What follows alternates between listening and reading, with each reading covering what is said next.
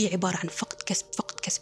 وهنالك وفرة الآن هل تريد أن تقنعني إن في هذا العدد الكبير من عدد سكان الأرض لا يوجد فرصة لك أنت لتبيع أمرا ما أو لتقدم خدمة ما أو لتبدأ أمرا ما ويقتنع به أو يشتريه من عندك أو يأخذ خدمتك. واحد من عدد كل سكان الكرة الأرضية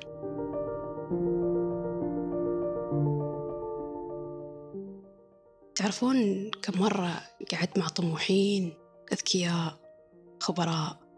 يعني ما شاء الله ناس مبدعة جدا. شاركوني ساعات طويلة من التخطيط والحزم في تأسيس فكرة أو مشروع أو بزنس وكانوا في قمة الحماس وهم يسردون هذه الأفكار والخطط وحتى كاتبينها على أوراق وقضوا كثير من الوقت وهم يخططون ويضعون ويجهزون ويشاركوني هذه الأفكار بكل حماس وشغف. وكل هذا التخطيط وكل هذه الأفكار وكل هذا السرد انتهى قبل بداية أي جزء من التنفيذ. انتهى مباشرة فور انتهاء لقائي بهم وعودتهم لروتين حياتهم. أجي أسألهم بعد فترة ما الذي حدث لتلك الفكرة والتخطيط الرهيب اللي تكلمنا عنه واللي سردته لي؟ والله ما بدأت حتى الآن. أو والله توقفت. فأنت الآن أيها المستمع. أسألك بالله هذا السؤال.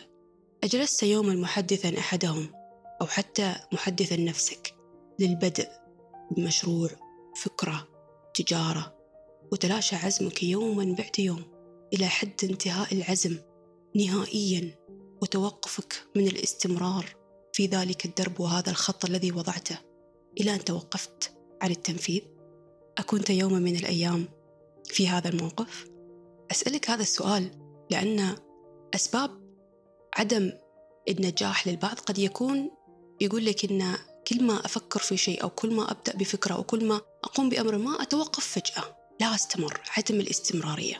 فخلال السنوات الماضية كنت أسأل أسئلة عشوائية ممن حولي ممن أراهم إن هل كنت في يوم من الأيام في هذا الموقف؟ وإذا كان الجواب نعم ما هي أسباب عدم استمراريتك؟ فأستطيع أن ألخص لك تشابه إجابات الناس اللي كنت أسألهم هذا السؤال في خمس نقاط تشابهوا فيها. واحد من الأسباب لعدم الاستمرارية. في الفكرة؟ إنه عدم وجود الوقت. إن أرجع بعدين لحياتي أشوف إن روتين حياتي كثير ما بين الوظيفة ما بين الأسرة ما أو ما بين الدراسة أو ما بين الأنشطة المجتمعية أو الزيارات العائلية فما في وقت. لا يوجد لدي وقت أستطيع أن أخصصه في ال 24 ساعة خلال يومي حتى أستطيع أن أسعى في هذا الأمر الجديد الذي أرغب بأن أقوم به. طيب السبب الثاني. جزء من الناس كانت تتشابه إجابتهم في أن البيئة المحبطة غير الداعمة. بيئتنا غير داعمة.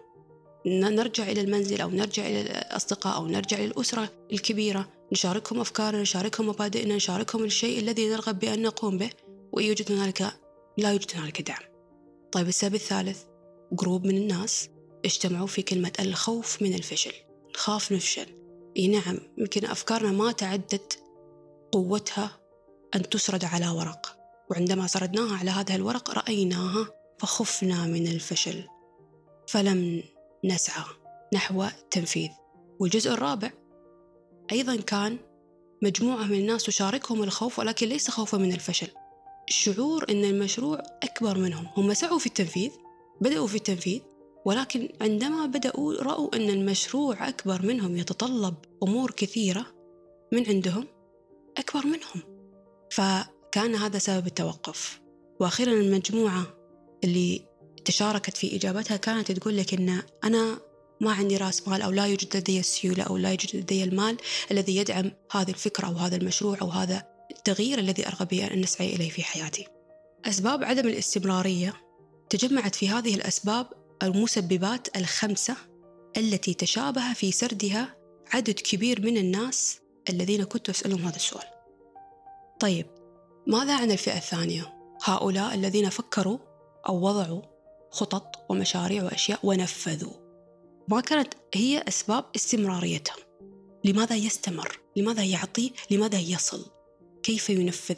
ما كان الدافع الذي يجعله أن يستمر وأن يحول هذه الأفكار التي تبلورت في عقله إلى مشاريع أو أمور ملموسة أمامه ومنفذة إن كان هنالك تفرقة في النمطين في النمط الأول الذي يفكر ولا يقبل والذي يفكر ويقبل وينفذ إذا ما كانت النقاط التي جعلت هؤلاء يستمرون والآخرون لا يستمرون. هنا هذا هو موضوع حلقتنا في هذا اليوم في المال والقرآن. وهنا سوف نسرد التهذيب الجميل في بعض أسرار آيات القرآن التي كانت منارة لي في استنباط أسباب الاستمرارية. وكيف كانوا يهذبنا ويعلمنا القرآن في بعض الممارسات التي طلبها منا وفرضت علينا وإن قمنا بها لتعلمنا الاستمرارية. هنا خلوني أخذكم في مفهوم غربي أو مقولة غربية. قد تكون مرت عليكم أو قريتوها شفتوها في الميديا أو شفتوها في في مكان ما عبر قنوات ال social media. يقول لك كانت المقولة تقول الذي يرغب بالنجاح عليه أن يرتب فراشه كل يوم في السابق أنا لما قريت هذه المقولة قبل سنوات ما فهمتها. قلت كيف يعني إذا أرغب بالنجاح أرتب فراشي كل يوم؟ ما دخل النجاح بالفراش. وكان هنالك أحد الفيديوهات أذكر شفتها سابقا أحد العساكر الكبار جدا قائد كتيبة في الجيش. يتحدث في حديث مع الكتيبة اللي عنده يقول لهم أنتم ترغبون بأن تستمروا في النجاح وفي الانضباط لأن العسكرية هي كلها انضباط. العسكرية عبارة عن انضباط. فيجي يقول لهم إذا أنتم ترغبون بالانضباط وكل شيء نفس الشيء. قال لهم رتبوا فراشكم كل يوم الصبح. ولا حطوا بعض الأشياء الأساسية التي ترتب في الدورات العسكرية للملتحقين فيها أن هنالك استيقاظ في ساعة محددة. وهنالك مهام أساسية يجب عليهم القيام فيها لفترة محددة في كل يوم خلال تواجدهم في هذه الدورات العسكرية. يعني هنالك سيستم هنالك نظام. وإن سألت أي أحد في الدورات العسكرية تجي تسأله تقول له ما هي الدورات العسكرية؟ يقول لك انضباط. انضباط رهيب. وحتى تتغير سمات حياته بعد خروجه من الدورة. يعني إن دخل دورة عسكرية ثم خرج منها إلى الحياة الطبيعية بعد انقضاء آه، فترة سنة تقريبا في هذه الدورة أو فترة طويلة يرجع لحياته يشعر أن حياته لا يستطيع أن ينفذ نفس الأمور التي كان عليها في السابق قبل الدورة سواء كان من ناحية الانضباط سواء كان من ناحية انضباط الطعام أو انضباط الوقت أو انضباط أشياء كثيرة إلى طبعا أن يستمر في حاله الطبيعي الذي كان عليه قبل الدورة لفترة طويلة ثم يرجع ويستنبط أو يسترجع الأشياء الثانية اللي كان يمارسها في السابق قبل دخوله في الدورة. يعني مثل ما نقول يرجع لعاداته السابقة اللي قبل ما أخذها من الدورة وكأنه في الدورة تعلم انضباطه في أمور ما ثم تلاشت تماما بعد عودته وممارسته لروتينه الطبيعي وحياته الطبيعية في فترة من الزمان. ركزوا كثير في أسباب الانضباط التي يعلمها الجيش أو يعلمها كتائب الدفاع أو الجهات العسكرية إلى المنتسبين إليها وكيف أنهم يكتسبونها وكيف أنهم يستمرون في ممارستها. وركزوا معي إلى هذا المقولة اللي قد تكون مرت عليكم في ال social media أو في الإعلام أو شيء الذي يرغب بالنجاح عليه أن يرتب فراشه في كل يوم. طيب ما هو أسباب الاستمرارية وعدم الاستمرارية؟ هذه المقولة دعوها على جانب. خلينا أسرد لكم شيء من الحياة الحقيقية. حياتي وممارساتي والناس اللي أعرفهم في حياتي. أحد الأساتذة أستاذ له فضل كبير من بعد الله سبحانه وتعالى عليه كان يقول لي أنا لا أعمل يا عزة يا بنتي وهو رجل ناجح جدا. أنا لا أعمل يا عزة بنتي مع أحد أو لا أدخل شراكة مع أحد بدين الجسد بلا سبب مرضي. بدين الجسد. يعني ما الحكمة؟ لماذا لا تعمل مع شخص بدين الجسد زائدا في الوزن بلا أسباب مرضية؟ يعني بعد ما يتأكد أن أسباب الزيادة هي ليست مرضية. قال لي يا عزة يا بنتي هذا الدليل قطعي ما عنده انضباط. وهو ناجح. وهذا الرجل ناجح جدا. قال لي ما في انضباط. أنا استغربت. قلت كيف يعني ما في انضباط؟ هل الثراء مربوط بالانضباط؟ فكانت هذه أحد الأشياء اللي قالها لي. طبعا هذا الموقف حصل قبل أن أدخل أنا في التجارة. هذا الشخص كنت أعرفه قبل أن أصبح تاجرة. فلم أكن أفهم ما يقول. بس قال لي هذه المقولة اللي ثبتت في عقلي ما قدرت أنساها على مدى السنوات. إنه يحكم على الشخص بمظهره. وكنت أقول كيف هذا يحكم على الشخص بمظهره؟ سلبي. أو كيف هو سطحي بهالطريقة كيف إنه بالعكس في ناس جيدين وفي ناس وكنت أتكلم في هذه الأشياء ولكن لم أكن أنظر للموضوع من مفهوم تجاري. أنا لم أكن تاجرة كنت عاطفية أكثر. كلها حرام وما يعطي الناس فرصة ولماذا هو حاد بهذه الطريقة؟ الآن هو قال أن هذا دليل على عدم الانضباط. وذلك القائد العسكري قال للكتيبة إن من عليه أن ينجح هو عليه أن يبدأ بترتيب فراشه كل يوم ينضبط في ترتيب فراشه كل يوم الصبح. وفي الجيش عندما تذهب لتعلم الدورة العسكرية وكل شيء تكتسب مهارة الانضباط عندما تقوم بتطبيق ممارسات الجهة العسكرية التي تفرضها عليك يوميا. ما هو الانضباط؟ هل وضع لنا الله سبحانه وتعالى في القرآن آيات أو ممارسات بالفطرة؟ إن مارسناها لاكتسبنا هذا الانضباط الذي يكون وقودا من أجل التنفيذ ومن أجل الأداء ومن أجل بلورة جميع الأفكار التي تكتب على ورق إلى أفكار مشاريع حقيقية تدر علينا أرباح. هل ضبطنا القرآن وأهملناه فعندما أهملناه توقفنا عن الإنتاج؟ الصلاة فرضت علينا خمس مرات في اليوم. تخيل معي أنك تستمر في فرض الصلاة خمس مرات في اليوم وتضبط وقتك وتغير حياتك وتهيئ كل شيء حتى أنت تنضبط في صلاتك.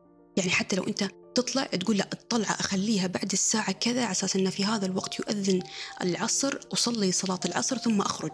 هذا تخطيط. هذا أنت أخذت الحياة اللي أنت تعيش فيها بشكل روتيني هيأتها على هدف وثم انضبطت فيه واستمريت عليه. أنت منضبط. كان يقول لك لما الرجل يروح يخطب بنت يقول لك الأب ارسلوا عنه في المساجد. هل هو منضبط في صلاته؟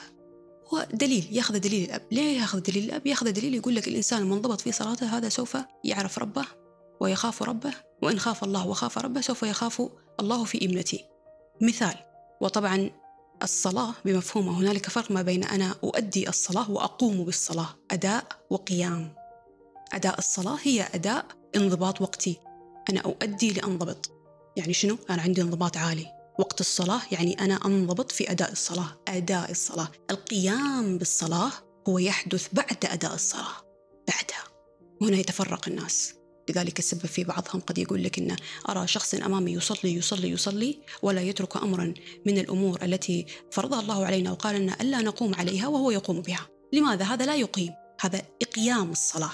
القيام ماذا يعني؟ أنت تعاهد الله سبحانه وتعالى عند أدائك في الصلاة وتردد الكلمات المحددة حتى عندما ينادي إمام المسجد الله أكبر. حي على الصلاة حي على الفلاح حتى عند ترديدك للآيات القرآنية.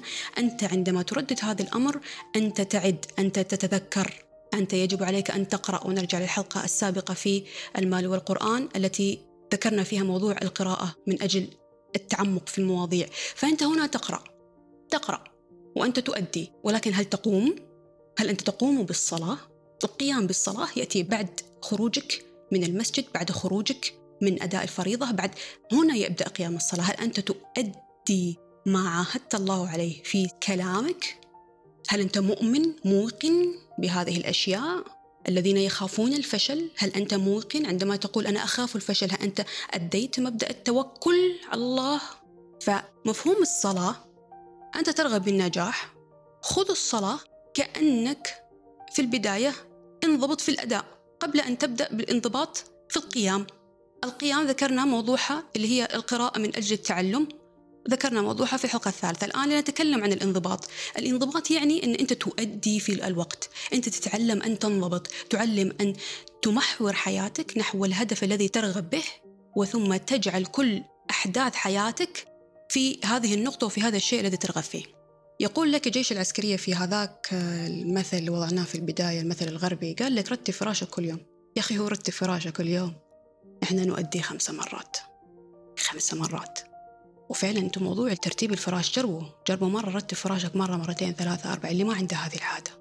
راح يكون صعب الاستمرار فيها. لو قمت مرة متأخر عن شغلك ولا عن المدرسة ولا عن شيء تجي تقول أوه بعدين لما أرجع؟ هنا؟ أه. مسكنا موضوع الانضباط. بدأ شوي موضوع الانضباط. الله يستمر فيه. فتخيل أن هذا يخبر كتيبة هذا الناجح يقول لهم انضبطوا والنجاح هو كله انضباط. إن سألتوا أثر الأثرياء يقول لك في بداياتي كان هنالك انضباط أنا أنضبط وما زال ينضبط. الأثرياء منضبطون الأثرياء العصاميون منضبطون وليسوا الوارثين للثروة. الثري العصامي هو منضبط. يقوم يرجع يخلص أموره على وقت هنالك انضباط. طيب أنت لما يقول لك القرآن ويقول لك دينك عليك بالصلاة خمس مرات. لو أنت أخذتها من مبدأ غير ديني على مبدأ ممارسة يا أخي أنت فقط ترغب بأن تكون إنسان ناجح. لا أتحدث عن الدين. انضبط خذ عادة وحاول أن تمارسها وأن تستمر فيها. هذا يعلمك الانضباط. إذا أنت لو أخذت عادة أداء الصلاة إذا أنت قاعد خمسة مرات في اليوم تضبط نفسك. واحد اثنين ثلاثة أربعة خمسة. وشنو تضبط نفسك في أوقات صعبة؟ أوقات متفرقة. الفجر العصر عز المغرب. هذه أوقات آه، مش سهلة. فتخيل أن تنضبط في هذه الأوقات. تخيل يكون عندك هذا الانضباط. لما يكون عندك هذا الانضباط في أداء الصلاة سبحان الله يصبح انضباطك في أي أمر ثاني سهل. الآن ماذا تقول القاعدة؟ في قاعدة جميلة تقول لك أنت لو ترغب بأن تقوم بأمر ما هو يصبح لديك عادة أن تستمر عليه لمدة 21 يوم.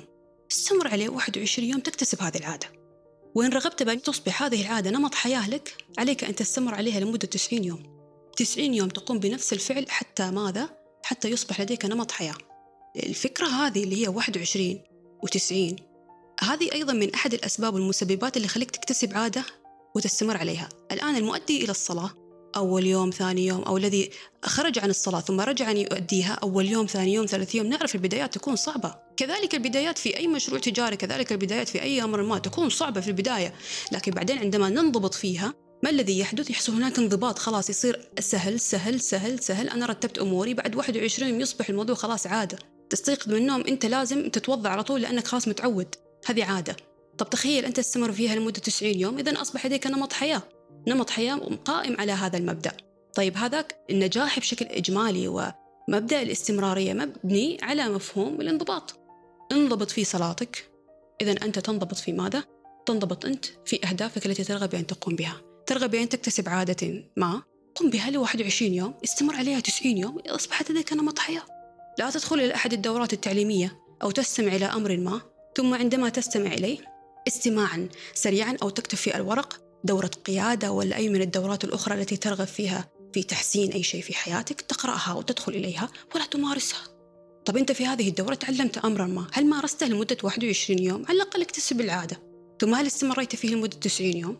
هؤلاء من يرغبون بالثراء السريع يجي يقول لك أنا الآن بدخل دورة أرغب الآن بأن أتعلم المهارة وثم أحقق على طول أموال. ما أنت حتى ال 21 يوم أو ال 90 يوم لا تصبر عليه.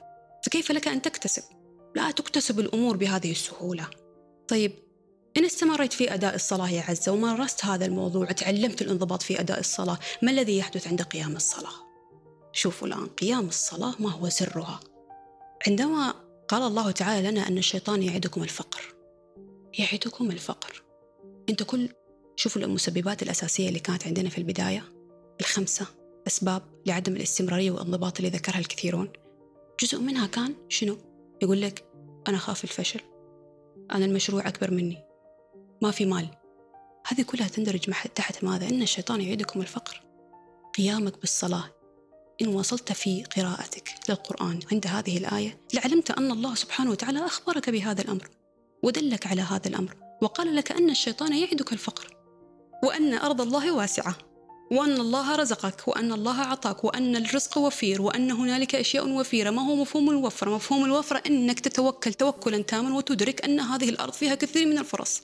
الآن تركيزك الشامل على أن هنالك فقر وهنالك شح وهنالك عدم وجود موارد وهنالك عدم وجود أدوات وهنالك عدم وجود أشياء هو تيقينك الكامل أنك أنت الآن قاعد ماشي في مبدأ أن في فقر. لا يوجد. لا يوجد مال. أنا أخاف من الفشل لأن ما راح أنجح في النهاية خلاص لأن ما في أحد راح يعطيني أو يدعمني أو كذا. ما في ما في في فقر في شح في الموارد أو في شح في الفرص أو في شح في الأشياء. مثل هؤلاء الذين يجون يقولوا لك إن أنا راح أسوي هذا الشيء بس شنو الفائده في النهاية ما في. إن هذا طريق وإن هذا فكر الشيطان هذا ليس فكر الإسلام. هذا ليس فكر وهذا ليس ما وعدك به الله في القرآن الكريم. شوفوا نرجع لمفهوم الصلاة. هو حلك كامل في موضوع الالتزام في أي شيء. أدي الصلاة ثم قم بها. عندما تقرأ اقرأ لتتعلم. وتستوعب. ثم اقرأ للتنفيذ. مارس مارس الموضوع لفترات طويلة حتى تكتسب. الله سبحانه وتعالى قال لك إن الشيطان يعدك الفقر. إذا أنت عندما يأتيك تفكير بسيط جدا أن لا يوجد هنالك موارد أو أنك راح تفشل أو أن هذا المشروع أكبر منك. هذا تفكير كله سلبي يدلك على طريق أنك حتى لا تسعى حتى لا تقدم حتى لا تفعل. في حين أن الله سبحانه وتعالى خلق هذه الدنيا الواسعة. أنت بس لو طلعت الآن اكتب في جوجل عدد المواليد اكتب في محرك البحث. عدد المواليد أو عدد سكان الأرض الآن. وانظر انظر بالثانية كم ترى تعداد السكان في العالم يتحرك وينقص تحت عند الوفيات. بالثانية نحن نفقد ونكتسب نفقد ونكتسب. هذه حركة الحياة. هذه حركة الكون. هي عبارة عن فقد كسب فقد كسب. وهنالك وفرة. الآن هل تريد أن تقنعني إن في هذا العدد الكبير من عدد سكان الأرض؟ لا يوجد. فرصة لك أنت لتبيع أمرا ما أو لتقدم خدمة ما أو لتبدأ أمرا ما. ويقتنع به أو يشتريه من عندك أو يأخذ خدمتك. واحد من عدد كل سكان الكرة الأرضية عندما يخبرك أحدهم إلى من يقولون أن البيئة محبطة غير داعمة عندما يخبرك أحدهم هو واحد أو اثنان أو يا أخي خليهم إن شاء الله قبيلة. خليهم إن شاء الله لو كانوا ستين شخص هم ستين شخص. من ماذا؟ من عدد سكان الأرض. أتركز في الستين وتترك سكان الأرض؟ التفكير الضيق النظرة الضيقة اتجاه الفقر هو ما يعدك به الشيطان. الآن أنا أذكر لك أقول لك هذا عدد المواليد التي تحسبها الآلات أو الطرق التي تحسب التعداد السكاني. ولكن أجزم أن هنالك من يعيش في قرى وفي مدن لا نعلم عنها. ولا يتم تعداد سكانهم. فإن سكان هذه الأرض أكثر مما تكتبه لك الأرقام. لهذه الدرجة أنا أرى الوفرة. لا تركز كثير ولا تركزون كثير في من لا يدعمني. الفكرة جدا مخيفة. أنت الكون واسع. لا تركز كثير في موضوع الفقر موضوع لا يوجد موارد وتركز في نظرتك تكون جدا ضيقة للأمر الذي عندك. وبعدين عندما يقول لك الله سبحانه وتعالى إن أنا عند ظن عبدي بي فليظن بي ما يشاء عند ظن عبدي بي وليس حسن ظن عبدي بي. إذا أنت إن ظننت بالله خيرا إن ظننت بالله إنك تستطيع وأنك سوف تقدر وأن ييسر أمرك أن يجعلك ترى الحياة بمفهوم الثروة أن يجعلك أن ترى الحياة بمفهوم الأشياء الجميلة التي وفرها لنا. أنت تظن بالله ظنا خيرا فيكون عند ظنك به. أنا عند ظن عبدي بي فليظن بي ما يشاء. إلى هؤلاء الذين يقولون لا يوجد هنالك وظائف أو لا يوجد هنالك فرص أو لا يوجد هنالك من أبيع لهم أو لا يوجد هنالك مال أو أنني أخاف الفشل أو أنني لا يوجد لدي وقت. تعلم الانضباط. أدي الصلاة. قم بالصلاة. اقرأ كتاب الله. جد المفاتيح التي ترغب بأن تقرأها. ركز في الآيات التي تعطيك أنت شنو؟ تعطيك حسن الظن. ركز في الآيات. اقرأها 21 يوم. مارسها. تمرس فيها. تبحر فيها. استمر 90 يوم اكتسبت هذه المهارة اكتسبت هذه القدرة.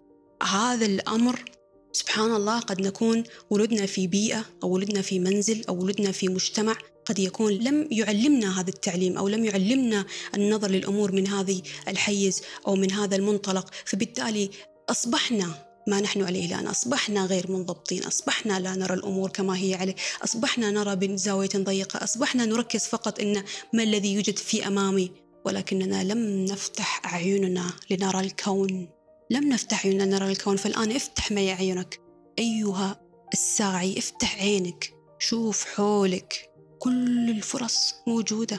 المال الوفير موجود. الفرص موجودة وتسع الجميع. تسع الجميع. إن رغب أحدكم بأن يملك الأرض وما عليها لن يستطيع. لأن في الثانية الواحدة هنالك شجرة تنبت شجرا وتنبت ثمرا. وهنالك نباتات صغيرة تنمو على الأرض وهنالك دابة تلد دابة لا يتوقف الإنتاج. لماذا أنت تركز كثير في موضوع ما الذي عندك أنت الآن؟ والإنتاج عندنا واسع في هذه الأرض لا يتوقف. كل يوم هو فرصة كل يوم هو شيء ولكن انضبط. ثم قم. انضبط بأداء الصلاة. قم. قم على الصلاة. قم عليها. لا تقل لي أن لا يوجد لديك وقت. ما هو الوقت؟ 24 ساعة في اليوم. حكم أهدافك. قد يكون الهدف جدا كبير على مستوى اليوم. الصغر. إحنا عندنا في ال finance في المالية شيء يسمى ال compound interest اللي هو الفائدة المركبة. بغض النظر عن مفهوم الفوائد هذه نتحدث فيها في حلقة ثانية ولكن خلينا ناخذ ال mechanism طريقة العمل ال compound interest الفائدة المركبة. يقول لك لما تجي تستثمر أو شيء يقول لك أنت عندنا product أو عندنا منتج فيه compound interest عندنا الفائدة فيه تتزايد.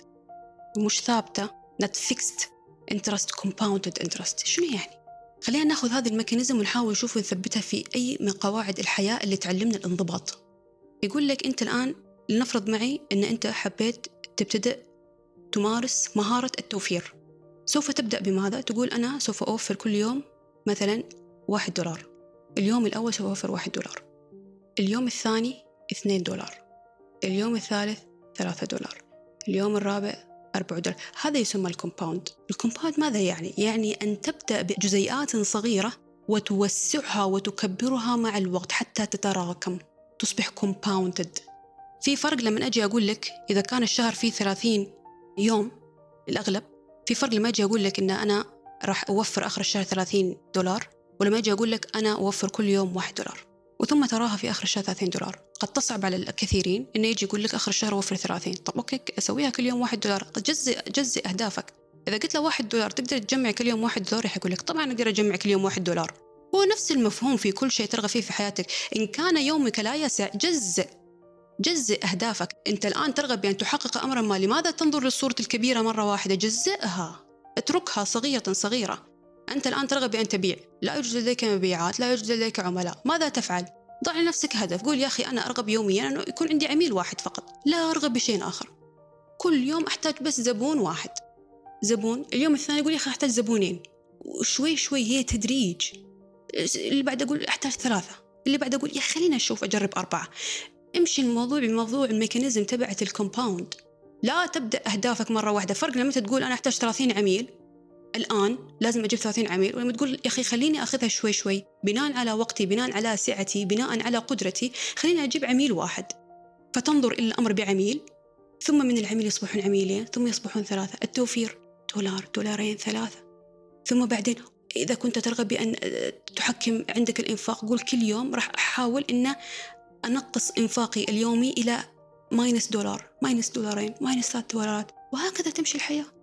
هكذا تمشي الحياة. أنت ليه؟ مش إن أنت ما عندك وقت. أنت هدفك جدا كبير على يومك. فأنت لا تستطيع الإنجاز. ففي هذه الحلقة من المال والقرآن الحلقة الرابعة. إن كنا نرغب الآن بأن نبدأ وأن نسعى وأن نستمر. ابدأ أولا. نفس ما ذكرت. ابدأ بالانضباط. ادي اترك الصلاة أن تكون لك معلما. ادي الصلاة. إن كنت تؤديها بارك الله فيك. إن كنت لا تؤديها الله يثبتك إن شاء الله. إن كنت متقطعا الله إن شاء الله يثبتكم. وإن كنت تؤديها وثابت فيها الله يثبتنا دائما. أدي الصلاة. قم بمبادئ الصلاة. في ال business يعلمونك يقول لك ال business ethics أخلاقيات التجارة. الصلاة والقرآن الكريم به الانضباط وبه الآيات التي تستطيع أن تقرأها تعلمك القيام. وتستطيع أن تقوم وفي هذه الآيات تعلمك الأخلاقيات. القرآن الكريم هو عبارة عن كتاب تجاري رائع جدا. نبحر فيه. طبعا خلال حلقات المال والقرآن. نبحر نبحر. لكن شفتوا كيف؟ شفتوا عظمة عظمة بعض الممارسات البسيطة؟ تحدثنا عن عظمة الزكاة في حلقاتنا. تحدثنا عن عظمة العلم. وعظمة المواهب الإلهية والأشياء الإلهية اللي أعطاها لنا رب العالمين. تكلمنا عن جميع هذه الأشياء والآن نتحدث عن الصلاة. وهي كلها أركان الإسلام. يا سبحان الله كلما أنتج حلقة من حلقات المال والقرآن حتى وإن كان هذا الشيء في خلفية عقلي عندما أحدثكم بها وعندما أرجع وأستمع للبودكاست يقشعر بدني. يحس إن يا الله أركان الإسلام؟ شوفوا ما زلنا ندور حتى الآن في حلقات المال والقرآن في أركان الإسلام. وشوفوا روعة أركان الإسلام. مشاكلنا في الحياة. انضبطنا أركان الإسلام انضبطت مشاكلنا في الحياة تجاريا وماليا. فما بالك بالنواظر الأخرى؟ هنالك طبعا من يفوقني علما في القرآن الكريم وفي الحكمة وفي الأمور ولكن ينظرون إلى بعض الآيات والممارسات من مفهوم مختلف وأنا متأكدة أن أبحرت معكم مش مرة إلى آخر يوم في عمري. إن أبحرت معكم في كل آية وفي كل منطلق أتينا أن نفكر فيها من منطلق آخر منطلق اجتماعي أو منطلق سياسي أو منطلق أدبي. في بعض من أركان الإسلام سوف نجد أن هنالك سبحان الله حلا وفيرا جميلا جدا وانضباطا جميلا جدا وجوائز جميلة جدا في أركان الإسلام أو غيرها من ممارسات أو الآيات القرآنية. فتخيلوا معي القرآن الكريم عدد آياته إيش كثر؟ عدد آيات القرآن الكريم. تعرفون أن آخر من كان يختم القرآن الكريم كانوا هم الصحابة. كانوا يطولون جدا في ختم القرآن الكريم. ونحن نستعجل نقول كم مرة ختمت في الشهر القرآن الكريم. لماذا كانوا يتأخرون؟ لأنهم كانوا يقرؤون وعندما يقرؤون يحاولون أن يقومون يقومون على ما قرأوا يقومون على الآيات التي يرددونها في أداء الصلاة يستشعرون كل آية. أرأيتم أنتم الآن في هذا البودكاست؟ نحن ما زلنا فقط في كل حلقة نركز على مبدأ مبادئ. يا قرآن يا آية يا أساليب يا إن أركان إسلام.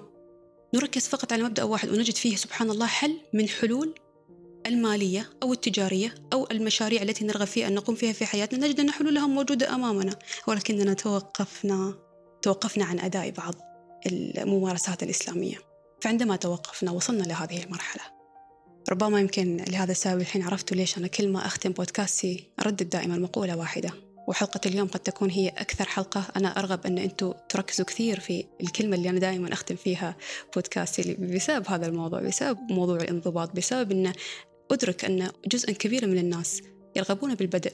إحنا ما عندنا مشكلة في الأفكار وما عندنا مشكلة في السعي ما عندنا إحنا عندنا مشكلة في البدء والاستمرار. فإن شاء الله بإذن الرحمن عساكم كل ما نويتوا عساكم كل ما نويتوا قويتوا بإذن الرحمن.